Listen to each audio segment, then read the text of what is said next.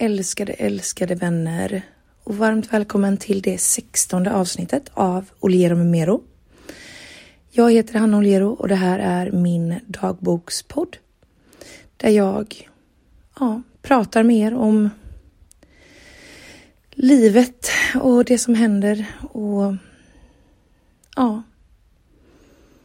Du får använda den här podden hur du vill ifall du vill somna till den eller vakna till den eller promenera till den eller ja. Jag är bara väldigt glad att du vill lyssna på den. Just det, jag ska bara ta min sömntablett kom jag på. Det blir lite sån här ASMR här känner jag. Mm.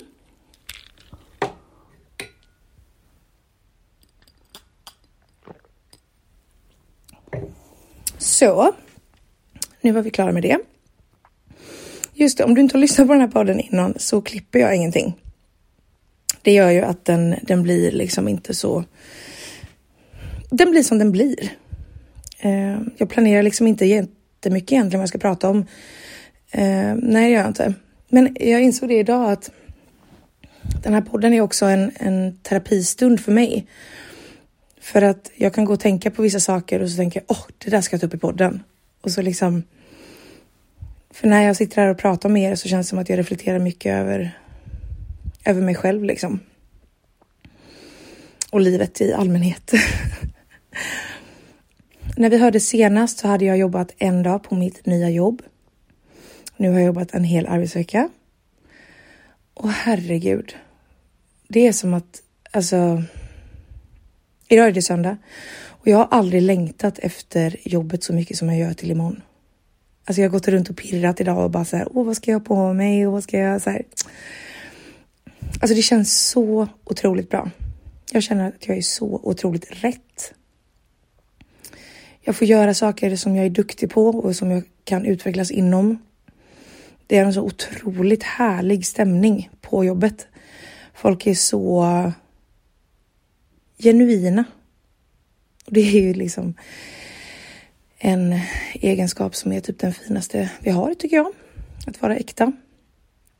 Det behöver inte betyda att alla behöver vara tjo och tjim och glada och liksom på samma sätt. Men att människor är sig själva är någonting jag värdesätter väldigt, väldigt högt. Och att jag också kan få vara mig själv. Det känns också otroligt fint. Eh, så att den här veckan har varit helt otrolig. Alltså jag, jag har verkligen varit så lycklig för att det har bara känts så otroligt bra liksom. Eh, och sen i i onsdag så skulle jag gå på det här. Jag går på ett quiz varannan onsdag nu som är helt otroligt. Det, jag tror att jag kanske nämnde det någon gång i något annat avsnitt. Men eh, det är ett quiz som går på Noba i Göteborg varannan onsdag med en, en tjej som heter Sara Nord och hon är liksom sångpedagog. Så det är som ett quiz, musikquiz och en föreställning samtidigt. Och så brukar hon ha med sig några elever från, hon har någon utbildning på något sätt. Nej men alltså det är så bra. Det är så bra. Så jag hade längtat jättemycket till att gå dit i onsdags. Men när jag kom dit så bara försvann all min energi. Och jag visste någonstans eh, innan att så här, jag måste förbereda mig på att första veckan på ett nytt jobb så orkar man inte så mycket mer det är så otroligt mycket intryck och nya arbetsuppgifter och liksom hjärnan går på högvarv så att det är helt naturligt att man inte ska göra så mycket saker. Men jag tänkte, men det ger ju mig så mycket att gå på det quizet så det kommer bli bra. Men alltså all energi försvann när jag kom på quizet. Så att jag beslutade mig faktiskt eh, till slut för att eh, gå hem innan quizet ens hade börjat. Så god är jag. Eh, nej, och det kändes bra. Det kändes också som att jag var så här ärlig mot mig själv. Jag bangar ofta aldrig liksom, utan jag är på. Men eh, ja, det, det kändes bra att åka hem. Så åkte jag hem och liksom tog det lugnt. och sen en sak som är så sjuk, typ att nu då när jag har jobbat en hel arbetsvecka, att min lägenhet har sett bra ut. Jag städade förra måndagen och sen har den liksom, det har inte varit stökigt. Alltså inte så kaosstökigt som jag brukar ha, ni vet när jag liksom trampar på saker för att kunna, alltså det finns liksom inte en fri yta på hela golvet. Det har inte varit så den här veckan. Och jag har fått in rutin att äta bättre. Eh, för att jag liksom har fått rutiner i en vardag. Alltså det, det är så många bitar eh, som ADHD påverkar mycket såklart. Eh, som, som bara har liksom löst sig, eller blivit, nej inte löst sig kanske, men blivit så mycket bättre den här veckan. Det känns helt otroligt faktiskt. Helt otroligt. Så att jag, jobbet är jag, oh, jag är så lycklig för det. Jag är så tacksam. Jag är så wow. Och typ, jag pratade med min produktionschef i fredags för jag hade en idé på en utvecklingspunkt kring en grej. Och han bara, eh, gud jag minns inte exakt vad han sa, men det var typ så här som han bara så här, det här var exakt varför vi anställde dig. Behåll den här elden typ, eller något sånt där. Och jag bara wow. Jag jobbar ju liksom inte ut mig när jag är engagerad på mitt jobb, för jag lämnar jobbet när jag går därifrån. Utan för mig är ju stress mer när det är saker jag inte kan hantera, alltså jag inte kan påverka eller att jag är omotiverad och liksom ostimulerad typ. Men här är det liksom bara tvärtom. Alla värdesätter idéer och ens åsikter är viktiga och man ser individen och ja, det är en helt otrolig arbetsplats. Och imorgon ska jag få träffa vdn första gången. Han har inte varit inne nu den här veckan eh, på kontoret. Så att det ska bli spännande. Eh, jag har svårt att se hur han skulle kunna vara så annorlunda från resten av personalen när alla är så himla trevliga. Så att jag känner mig inte så där jättenervös, men det är klart att man är lite nervös att träffa ägaren liksom. Tvungen att ha en liten drickpaus där. Eh, ja, om vi ska prata lite grann om eh, Gullefinken. Oh. Vi har ju träffats i tre veckor nu. Och om de missat vem han är så är det en kille jag träffade på en bar då för tre veckor sedan. Och det är någonting med honom som jag inte riktigt kan förklara. Um, och jag har väl börjat känna känslor för honom liksom. Eh, det har jag gjort nästan sedan andra gången vi sågs, ska jag vara helt ärlig och säga. Och jag är väldigt bra på att ligga runt. det är någonting jag kan och är duktig på. För då jag engagerar mig sällan liksom i killar jag ligger med. Men eh, det har blivit så tydligt den här helgen varför min liksom flykt, varför mitt flyktbeteende gör att jag sällan engagerar mig känslomässigt. Och det här har jag också läst på väldigt mycket om i helgen att det är väldigt vanligt med ADHD att det är svårt med relationer, alltså kärleksrelationer. Och den här helgen har det blivit väldigt, väldigt tydligt. För han sov hos mig i, ska vi se, måndags kanske, måndags, tisdags någon gång. Och sen så, nej det var nog tisdags. Um, och sen så körde han mig till jobbet dagen efter och då frågade han ifall eh, jag ville komma på middag hos honom senare i veckan. Och jag har aldrig eh, varit hemma hos honom innan. Så det ville jag ju såklart. um, så att då bjöd han hem mig i fredags. Um, på middag. Och jag var ju väldigt spänd för jag var ju också lite sådär okej, okay, han är 37 år, ungkar.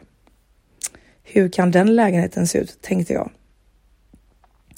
Han bor också i Majorna som är ett område som jag är otroligt oberest i när det kommer till Göteborg. Det känns alltid som att man kommer till en annan värld när man kommer till Majorna. Nej, förlåt. Det är jättevackert i Majorna, det kan man inte säga annat om.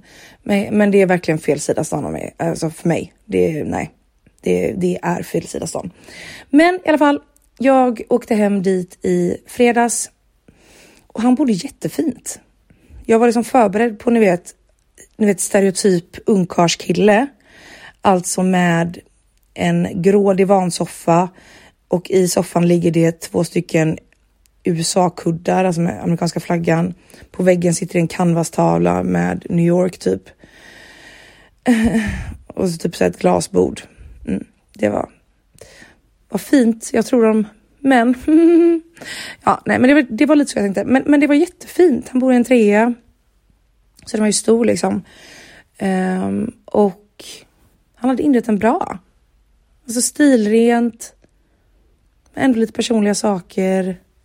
Alltså perfekt. Eller alltså perfekt kanske låter konstigt. Men alltså jag hade ju kanske inte inrett min lägenhet så, men den var jättefin. Alltså det var fin, det var så här fint trägolv och Nej, men den var fin. Den var fin. Han jobbar ju, han jobbar ju som eh, egenföretagare, så han hade ju ett kontor också. Ehm, det var kul att få se hans lilla arbetsplats. Nej, men då hade han gjort en glutenfri spenatpaj. Nej, men alltså det är så jävla fint så jag tror inte ni fattar hur fint det är. Eller det är klart ni gör. Och han hade liksom skrivit ut receptet på papper. Nej men, gullefinkan. På gullefinkan. Alltså, mm. Den var jätte, jättegod. Eh, och det var en så mysig kväll. Och vi pratade så mycket om många saker. Jag tog upp det här med barn. Då ska vi se, då har vi sett i tre veckor. Nej, men jag kände någonstans att jag behöver ta upp det här med barn, för om det är så att man är väldigt, väldigt mån om att få barn, då kanske inte jag är en person som kan garantera det. Med det sagt, som jag alltid säger, så är det inte så att jag har liksom uteslutit det helt att få barn. Det är bara att jag aldrig har längtat efter det. Och jag har aldrig känt den där känslan som jag har så många människor i min närhet som känner att de, de klart de vill ha barn. Jag har aldrig känt det och någonstans så behöver man nog veta det om man dejtar mig. Att eh, det kan mycket väl vara så att jag ändrar mig 100 procent, men, men eh, det kan lika gärna vara så att jag inte vill ha det och då typ. Och han var typ på, exakt på samma spår. Eh, fastän han hade nog kanske mer. När han var yngre kändes det nog mer som att han hade tänkt att barn var en del av hans liv. Men att han nu så här, ja nej men det, ja. Alltså typ att det inte gjorde så mycket om det inte blir något barn. Eh, som sagt, det här är i, stora frågor vi tar upp här tidigt i eh, relationen, men jag ville bara typ så här höra hans tankar om barn i allmänhet. Inte kanske barn med mig, utan barn i allmänhet. Och det kändes väldigt skönt att få den eh, avklarad, för det, jag har aldrig upplevt att den är en dealbreaker med relationen jag har haft. Och som mitt ex som jag var ihop många år med, eh, han visste ju det här från början och för honom var det också fine. Eh, och jag tror att han var en sån person som var så ja ah, men alltså det är inte jätteviktigt. Men skulle det bli så blir det bra, typ. Så att jag tror ju att i hans nya relation så tror jag absolut att han kommer vilja ha barn. Eller de kommer vilja ha barn. Nej, vad vet jag, ingen aning. Men det, det känns, det känns så. Um, och, och det sa jag till honom jättetidigt. Alltså, ja. Men det var också en explosionsrelation. Vi blev ju typ kära på första dejten liksom. Um, så det kändes bra att prata om det. Det var bara en så jävla mysig kväll. Vi drack massa bubbel och bara hade sex överallt. I hans, på hans balkong hade vi sex. Han hade aldrig haft sex utomhus och då tog vi den lilla goa oskulden. Mm, mm, mm. Toppen. Um, han, eh, han är så söt. För han har ju verkligen insett hur han får mig att komma av bara sex. Alltså bara in och ut sex. Vilket är ja, det, alltså större chans att vinna 25 kronor på en trisslott än eh, det. Men det har han lyckats få mig att göra. För att jag är också väldigt attraherad av honom så det kanske bidrar. Mm. Men eh, när jag har druckit så kan jag inte komma. Alltså det, det finns inte en chans. Och det tycker han är väldigt frustrerande att han får komma men jag får inte komma. Vilket är jävligt charmigt på något sätt.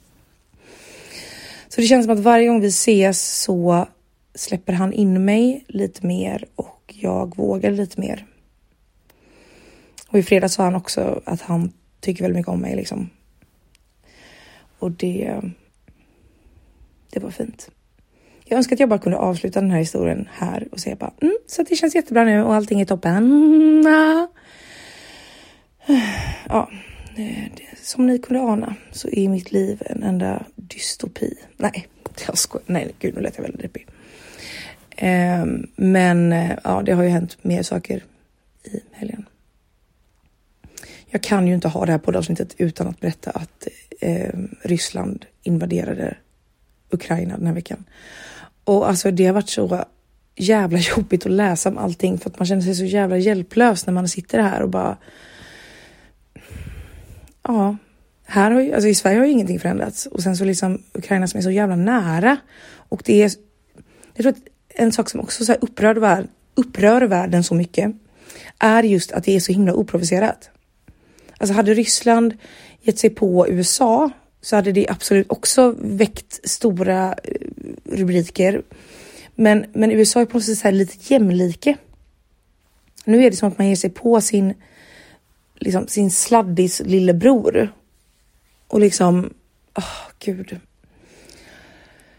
Uh, jag har läst så mycket och bara, oh, skänk pengar är ju det man kan göra typ. Jag vet inte vad man kan göra. Läsa på typ. Eh, och det försöker jag ju. Jag försöker läsa varje dag liksom vad som händer, vad är det senaste. Och det ukrainska folket är ju typ det coolaste människorna jag någonsin har. Alltså de, de är så, alltså förlåt men innan allt det här så tänkte jag att Ukraina var, alltså Ukraina var en färg så var det beige. Eller beige. Men alltså Ukraina har känts för mig väldigt beige. Men i den här, i det här liksom kriget som har hänt nu. Nej men alltså jag tycker Ukraina är det coolaste landet i hela världen. Ukrainas president är den coolaste personen i hela världen. Alltså han har bara varit så jävla fantastisk den här veckan och bara så lugnat medborgarna och oh, allting han säger. Åh oh, gud, alltså. Oh, hade de krävt frivilliga från Sverige åker liksom. är så jävla oh, fantastiska. Vi har också två stycken utvecklare på jobbet som sitter i Ukraina. Och då eh, frågade jag IT-avdelningen i fredags. Jag bara, men har vi hört något? För de gav oss lite uppdateringar första dagarna. Och jag bara, har vi hört någonting idag? Och då hade det så här, ja, vi fick precis höra från eh, ja, en av dem då att de är, eh, de gömmer sig nere i tunnelbanan. Man bara, det här är så sjukt. Alltså det här är så sjukt. Att det är liksom, det, är så, det blir så på riktigt på något sätt. Och det, alltså för mig, åh oh, gud folk har ju varit oroliga liksom i veckor innan detta att det, ska, att det har trappats upp och något sådär. Och jag har bara varit ja, naiv kanske som bara så här, men inte chans i världen att det blir krig. Förlåt, men det är 2022. Har vi inte lärt oss någonting av historien? Nej, men alltså. Jag, ja, jag, jag var nog helt övertygad om att det aldrig skulle bli ett, ett nytt krig eller världskrig under, under min livstid. Så när det hände, alltså jag var så en jävla chock. Och ja, det kanske är naivt tänkt, men jag bara, det känns bara så otroligt bakåtsträvande att inleda krig. Om det är någonting som det känns som att evolutionens senaste decennierna har gett oss så är det ju på något sätt så frihet, mänsklig frihet. Och jag vet inte exakt hur Ryssland tänker, alltså för även ifall de skulle lyckas och överta allting som de vill överta, alltså hela Ukraina typ. Det är inte så att ukrainarna bara kommer sitta där och bara okej, okay, toppen, hihi. Alltså det är det. Alltså vad tror de? Att de bara ska ge upp och bli liksom kuvade som eh, Ryssland många delar är? Och det är såhär, åh oh, gud, jag har liksom läst att det har varit så många ryssar som har blivit ifångatagna, eller ifångatagna, men arresterade för att de har protesterat. Och det är också så ont, det måste vara fruktansvärt att bo i ett land som agerar på ett sätt där du inte kan stå bakom det. Och när du då står upp för din åsikt i den frågan så blir det dig som man liksom åtalar. Alltså det måste vara helt fruktansvärt att vara ryss och se igenom det här. Jag kan inte ens föreställa mig. Fy fan. Fy fan för krig alltså. Kan vi inte bara inse att det, det funkar ju inte? Finns det något krig som bara säger ja, det här fick vi ett happy ending? Nej. Krig är ju lika med unhappy ending. Och jag, det var en intervju med Reinfeldt i, Fredrik Reinfeldt i ja, Rapport eller TV4 eller ja, något. Och han bara säger, det värsta är ju att Ryssland är ju inte de som ger upp. Eller Putin framförallt är inte den som ger upp. Vilket gör att för att det här ska avslutas så kommer det krävas så otroligt många liv tills de ska ge upp. Och den meningen bara så här, aj. För även om vi tar in alla människor i hela världen och hjälper Ukraina liksom. Så är det fortfarande, det kommer kräva så många liv, så många soldater från båda sidor, människor, civila, barn, gamla. Som kommer på något sätt att att drabbas. Och det är fucking jävla sad alltså. Jag ska att jag pratar om eh, Gullefinken och eh, nu bara in på krisen här och så ska jag då gå tillbaka till mitt jävla, alltså det, det blir så, alltså man får ju sådana perspektiv på livet och bara herregud. Här sitter man själv och ojar sig för saker och så liksom dör människor typ två timmar härifrån liksom. Ja, ja, vi Ja, det är fruktansvärt. Det är verkligen fruktansvärt och jag lider så mycket med Ukraina och världen och förtryckta ryssar. Okej, okay, om jag ska fortsätta då. Mm. På min goa lilla gullefink story. Just det, en väldigt konstig sak som också hände mig i fredags var då att eh, ÖK skriver och ringer mig på natten, typ två, tre och då fick jag för mig att jag skulle svara på det samtalet, vilket jag inte riktigt förstår nu efterhand varför jag skulle göra det när jag var med Gullefinken. Jättekonstigt. Men jag svarar och han, herregud. Jag vet inte exakt vad han ville säga med det här samtalet, men det var så mycket svammel. För han har börjat lägga ut bilder på en tjej och jag bara, men gud vad kul med den här tjejen och då ska han liksom säga att, att det var jag som började och jag bara vadå? Ja men när du träffar den här killen du träffar nu typ. Jag bara men. Alltså vi slutade ju ses i juli. Om ni har missat vem ÖK är så är det en kille jag träffade förra sommaren väldigt intensivt i några veckor. Men det blev också för intensivt för mig. Det var väldigt intensivt. Så att vi avslutade det kanske ja, men i juli någon gång. Eh, och sen så sågs vi ett par gånger under hösten men ja, Sen flyttade jag tillbaka från Jönköping liksom. Eh, det var bara konstigt samtal. Det var också konstigt för då gick jag ut på balkongen och satte mig och då kom Gullefinken ut också. Bara såhär what the fuck händer typ och jag bara eh, pff, ingen aning. Jättekonstigt. Jag fattade typ inte vad ÖK ville riktigt. Men det var som att han, han ville att jag skulle säga att så här, jag fortfarande ville vara med honom eller något. Jag vet inte. Nu kanske ni också förstår varför jag inte går ut med namn på killarna jag dejtar. För att eh, det hade inte känts schysst att outa deras innersta där de kan identifieras. Ehm, och det gör jag ju nu. Men jag tycker ändå att eh, i och med att jag gör det under fing, fingerar, fing, fingrerade, fingerade, fingerade namn så blir det inte lika privat typ. Så det var ett konstigt samtal och sen så blev Gullefinken så efteråt bara, men alltså när sågs ni? Jag bara, ja det var förra sommaren. Han bara, men vadå, när slutade ni ses? Jag bara, ja, i juli. Han bara, men när sågs ni senast? Jag bara, ja när kan det ha varit? November kanske? Och jag typ, alltså jag tänker ju inte, jag är ju verkligen inte en person som någonsin har varit svartsjuk skulle jag säga. Eh, vilket gör att för mig blir det så här, jag är så säker på att han har ju ingenting i mitt liv att göra, alltså ÖK, att jag tänker inte att det är konstigt att jag svarar på hans telefon, alltså så, svarar på hans när han ringer. Men om jag tänker ifall det hade varit tvärtom, ifall Gullefinken hade ringt Eh, eller så här, hans, hans ex hade ringt eller hans, ja någonting. Hade jag tyckt att det var toppen? Nej, antagligen inte. Så att jag kan i efterhand tänka på, men alltså varför svarade jag ens det här samtalet? För det var ju också ett väldigt mycket fyllesamtal. Och det är inte första gången han gör så. Han, eh, alltså ÖK ringer ibland eh, och har fyllesamtal.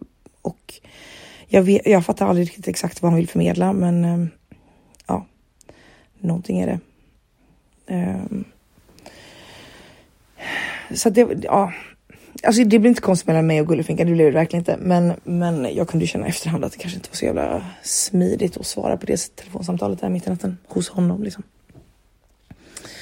Och sen igår så, eh, för det här var då i fredags eh, och sen så sov vi över där och så på lördagen så bara hade vi värsta mysiga förmiddagen och dagen liksom. Där vi bara pratade och myste och mm, toppen var det. Då fick jag också komma för då var jag ju nykter. Eh, sen skulle vi åka till hans sommarstuga. var tanken. Eh, och så skulle vi hämta Maj på vägen. Men han glömde bort att vi skulle hämta Maj så att han började åka mot sommarstugan tills jag bara säger det här är inte rätt håll. Han bara vadå? Jag bara men vi ska hämta Maj. Han bara just det. Oh my god. Så då hämtade vi Maj och då när vi hämtade Maj så insåg vi nog båda två så här shit vad klockan blev mycket. Eh, vi kanske inte hinner åka till hans sommarstuga. Eh, för vi båda skulle bort på kvällen. Så då körde han, ja, vi hämtade Maj hos mina föräldrar och sen så körde han hem mig istället. Och då var jag så här, åh, men du ska ut med din kompis sen. Ska vi ses och mötas upp? Och jag vet att han är en person som, eh, han behöver ju verkligen marineras under lång tid. Eh, han, det är liksom så. Man kan inte pusha honom, eh, vilket är bra för mig. Men det är också jobbigt. Mm. Eh, och han typ bara, ah, nej men jag ska träffa mina kompisar så att eh, ja, ah, jag vet inte om, ja kanske. Alltså ni vet så här, han var kanske överexalterad på att jag skulle träffa hans vänner än. Och för mig är det bara så här, jag vill ju veta, för det första så vill jag att hans vänner ska tycka om mig. Det är en viktig bit. Sen vill jag också att mina vänner ska träffa honom och tycka om honom. Det är också en viktig bit. Men han eh, funkar nog inte så. Um, alls, typ. Så att jag åkte sen hem till mina kompisar och eh, vilket var supermysigt. Men jag ville ju inte stan träffa honom. Mm. Så då var det goa jag som eh, typ skrev och bara åh men ska vi mötas upp typ? Och han bara så här ja jo men du är välkommen men det är väldigt grabbig stämning. Alltså så här. Man måste förstå honom för att förstå det som jag säger. Eller ja, nej men så här, han är en sån person. Alltså han har också inte kanske haft så många relationer i sitt liv. Är van med att leva själv och utgå så ifrån det. Och jag, ja, om jag är värdelös på känslor så är han kanske inte jätteberest inom relationsvärlden typ. Men han bara, ja men det är visst så här, för att så han så här, ja okej. Okay. Så då åkte jag och eh, eh, min kompis in till stan. Och gick in då där de var Eh, letar efter honom, hittar honom inte. Så slut ringer jag honom och bara hej hej, jag är här nu. Han bara va, har du kommit hit? Jag bara ja, det var det jag sa att jag skulle göra ja. Mm. Han bara, men jag är på väg härifrån. Jag bara mhm, toppen. Han bara, men eh, jag vänder då. Jag bara eh, okej. Okay. Och då blir det så här. Det var verkligen en start på någonting inte bra för att jag ville ju typ möta upp han och hans vänner och liksom vara den sköna goa tjejen med honom. Men nu blev det ju som att han vände tillbaka när hans andra vänner fortsatte. Och hela, bara hela den grejen blev för mig att jag kände mig så dum typ som hade liksom åkt in till stan när de skulle vidare liksom. Men sen så kom han och det var jätteroligt att träffa honom. Jag blev jätteglad såklart. Um, och det var första gången vi var bland andra liksom. Eh, och han var väldigt så här gosig och så här. Han stod och höll om mig och pussade på mig typ. Men alltså då hade jag ju redan, då kände jag mig typ redan dum. Eh, väldigt dum. Som ens, alltså jag känner mig så här, som den här vet, jobbiga efterhängsna personen som bara Uh, ja. Sen vet jag inte exakt hur det eskalerade, men det eskalerade. Vilket slutar med att jag gråtandes ringer honom när jag är på väg hem typ. Eh, fick med mig någon annan kille hem. Och det var typ första gången i mitt liv jag verkligen kände wow vad jag egentligen bara vill vara med honom. Med Gullefinkan alltså. Men jag fick med mig en annan kille hem och eh, ringer då Gullefinken på vägen tror jag kanske. Och typ gråter och säger att jag tycker att han ska kämpa för mig och han bara, vad pratar du om? Jag bara, bli, i. Och sen skickar jag ett, en rad med väldigt eh, väldigt eh, riktade sms. Där jag skriver typ att om du inte ens kan kämpa för mig så kanske inte vi ska ses mer. Hej då, nu är det hej då för alltid. Alltså ni vet väldigt dramatiska sms. Eh, som han inte svarar på. Sen så berättar han idag att vi, jag har ju ringt honom sen också när jag hade kommit hem. Och då hade vi pratat och då hade han sagt att jag kommer inte svara på det du skrev, vi pratar imorgon. Problemet var bara att när jag vaknade upp i morse så såg jag ju bara det jag hade skrivit och bara fuck, fuck, fuck, fuck, fuck, fuck, fuck, fuck. Um, så att jag då i morse när då, eller i förmiddags när den här killen hade dratt så ringde jag till honom för jag bara, jag kan inte ta det här på text liksom. Och då pratade vi typ en och en halv timme. Och jag, alltså jag kände mig så dum. Um, och han bara säger, jag förstår inte riktigt vad det är du vill typ. För han bara, du säger att du så här, inte vill sätta press och krav och du vill vara självständig och hela den här biten. Men sen så känns det också som att du inte vill det. Och det är så svårt för att när det kommer till känslor så blir jag så himla ologisk. Alltså jag blir så himla... Jag brinner verkligen. Jag brinner upp alldeles för fort skulle jag säga. Och jag förstår att han fattar ingenting vad som händer. Och jag blir så himla dramatisk och reagerar så otroligt starkt liksom. Så han fattade ju inte riktigt vad det var som hade gjort mig ledsen och det fattade i och för sig inte jag heller. Eh, och det slutade typ så här med att jag bara, alltså förlåt för att jag var inte arg, jag var bara ledsen. Han bara, nej men förlåt för att jag gjorde det. Det var ingenting jag ville. Han bara, men, han bara, men jag säger ju att jag tycker om dig. Det är ju liksom inget snack om den saken. Men det är som att du inte typ tror på det. Och det är det som är så sjukt alltså för mig i relationer och jag som sagt har läst på att det är många med ADHD som har så här. Att jag vill liksom stötta bort honom för att jag vill inte vara beroende av någon. Men jag så här, trånar också efter hans uppmärksamhet och bekräftelse. Att om han säger att han tycker om mig en gång, då behöver jag typ höra det var femte minut sen för att typ tro på det.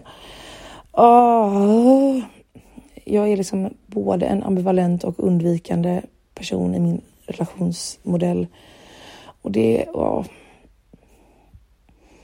det, det, gör, det kan ju göra att eh, den andra parten bara, det här kanske jag inte orkar med. Typ.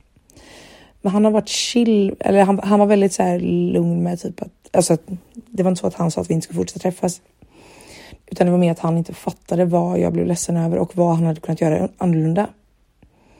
Och det gjorde nog typ inte jag heller. Alltså det var inte så att han gjorde någonting utan det var bara att jag, jag vet inte. Um, min, min första stora kärlek som jag har pratat om någon gång tidigare tror jag som jag var ihop med när jag var 20. Han hade också den här typen av relationsmodell att, att eh, hellre lämna än att bli lämnad. Den har ju både jag och Gullfinken Eh, och problemet med, när båda är sådana är ju på något sätt att det kan bli väldigt stormigt. Och det var ju så det var i min då första långa relation. Det blev otroligt passionerat, men det blev också otroligt stormigt. Sen i den långa relationen jag hade som ändå varade i ja, men fyra år. Eh, då var ju han väldigt trygg, vilket gjorde att jag kunde ju kaosa typ hur mycket som helst. Men han stod liksom kvar. Och det bekräftar ju mig väldigt mycket. Och han var också väldigt, väldigt duktig på att ge bekräftelse konstant, liksom, vilket jag också behöver. Men i den här relationen så är han också en undvikande person och det kan bli svårt att på något sätt hitta någon form av medelväg där inte den ena känner att man trampar på sig själv och den andra inte känner sig kvävd typ. Så jag har reflekterat väldigt, väldigt mycket kring mitt beteende och, eh, och hans beteende också såklart, men, men liksom så här hur jag hur jag aktivt nog har, har valt bort att känna för att priset är väldigt högt för mig.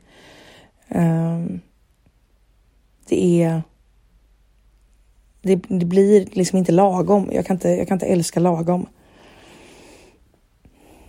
Och det... Jag känner nog någonstans att jag tycker det är jobbigt att... Eh, att jag blir så här ologisk och liksom... Känslostyrd är jag ju alltid, men att jag blir så här känslostyrd och eh, minsta... Ja, men så här, bara det då när han kom igår och jag då har redan känt mig dum när jag ringer honom och eh, säger att vi är där och han bara, men vi, vi var på väg bort.